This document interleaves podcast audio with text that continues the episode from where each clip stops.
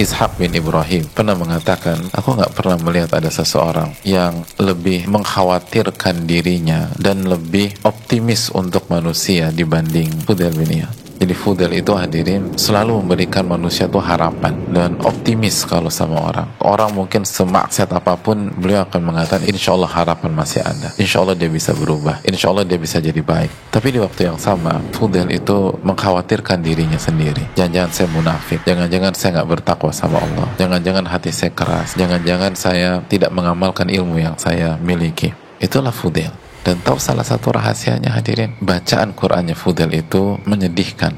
Jadi kalau orang dengar beliau baca, melo hadirin, ada getaran dan pelan, bacanya tenang.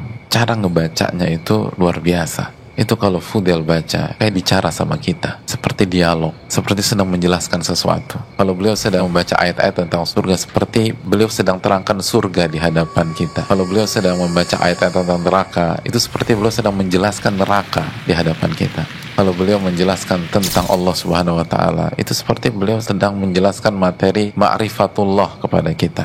Ketika misalnya beliau membaca surat Yusuf itu seperti beliau seorang storyteller berbicara tentang Nabi Yusuf. Dan kalau beliau melewati ayat-ayat tentang surga maka beliau ulang-ulang ayat tersebut. Dan beliau meminta surga. Allahumma ini as'alukal jannah sebagaimana Allah firmankan dalam surat Az-Zumar ayat 23 taqsha'irru minhu juludul ladzina yakhshawna rabbahum thumma talinu juluduhum wa qulubuhum ila dzikrillah orang-orang yang takut kepada Rabbnya kulitnya merinding ketika mendengarkan firman-firman Allah Subhanahu wa taala. Dan mereka merendah hati mereka lembut dan langsung menuju mengingat Allah Subhanahu wa taala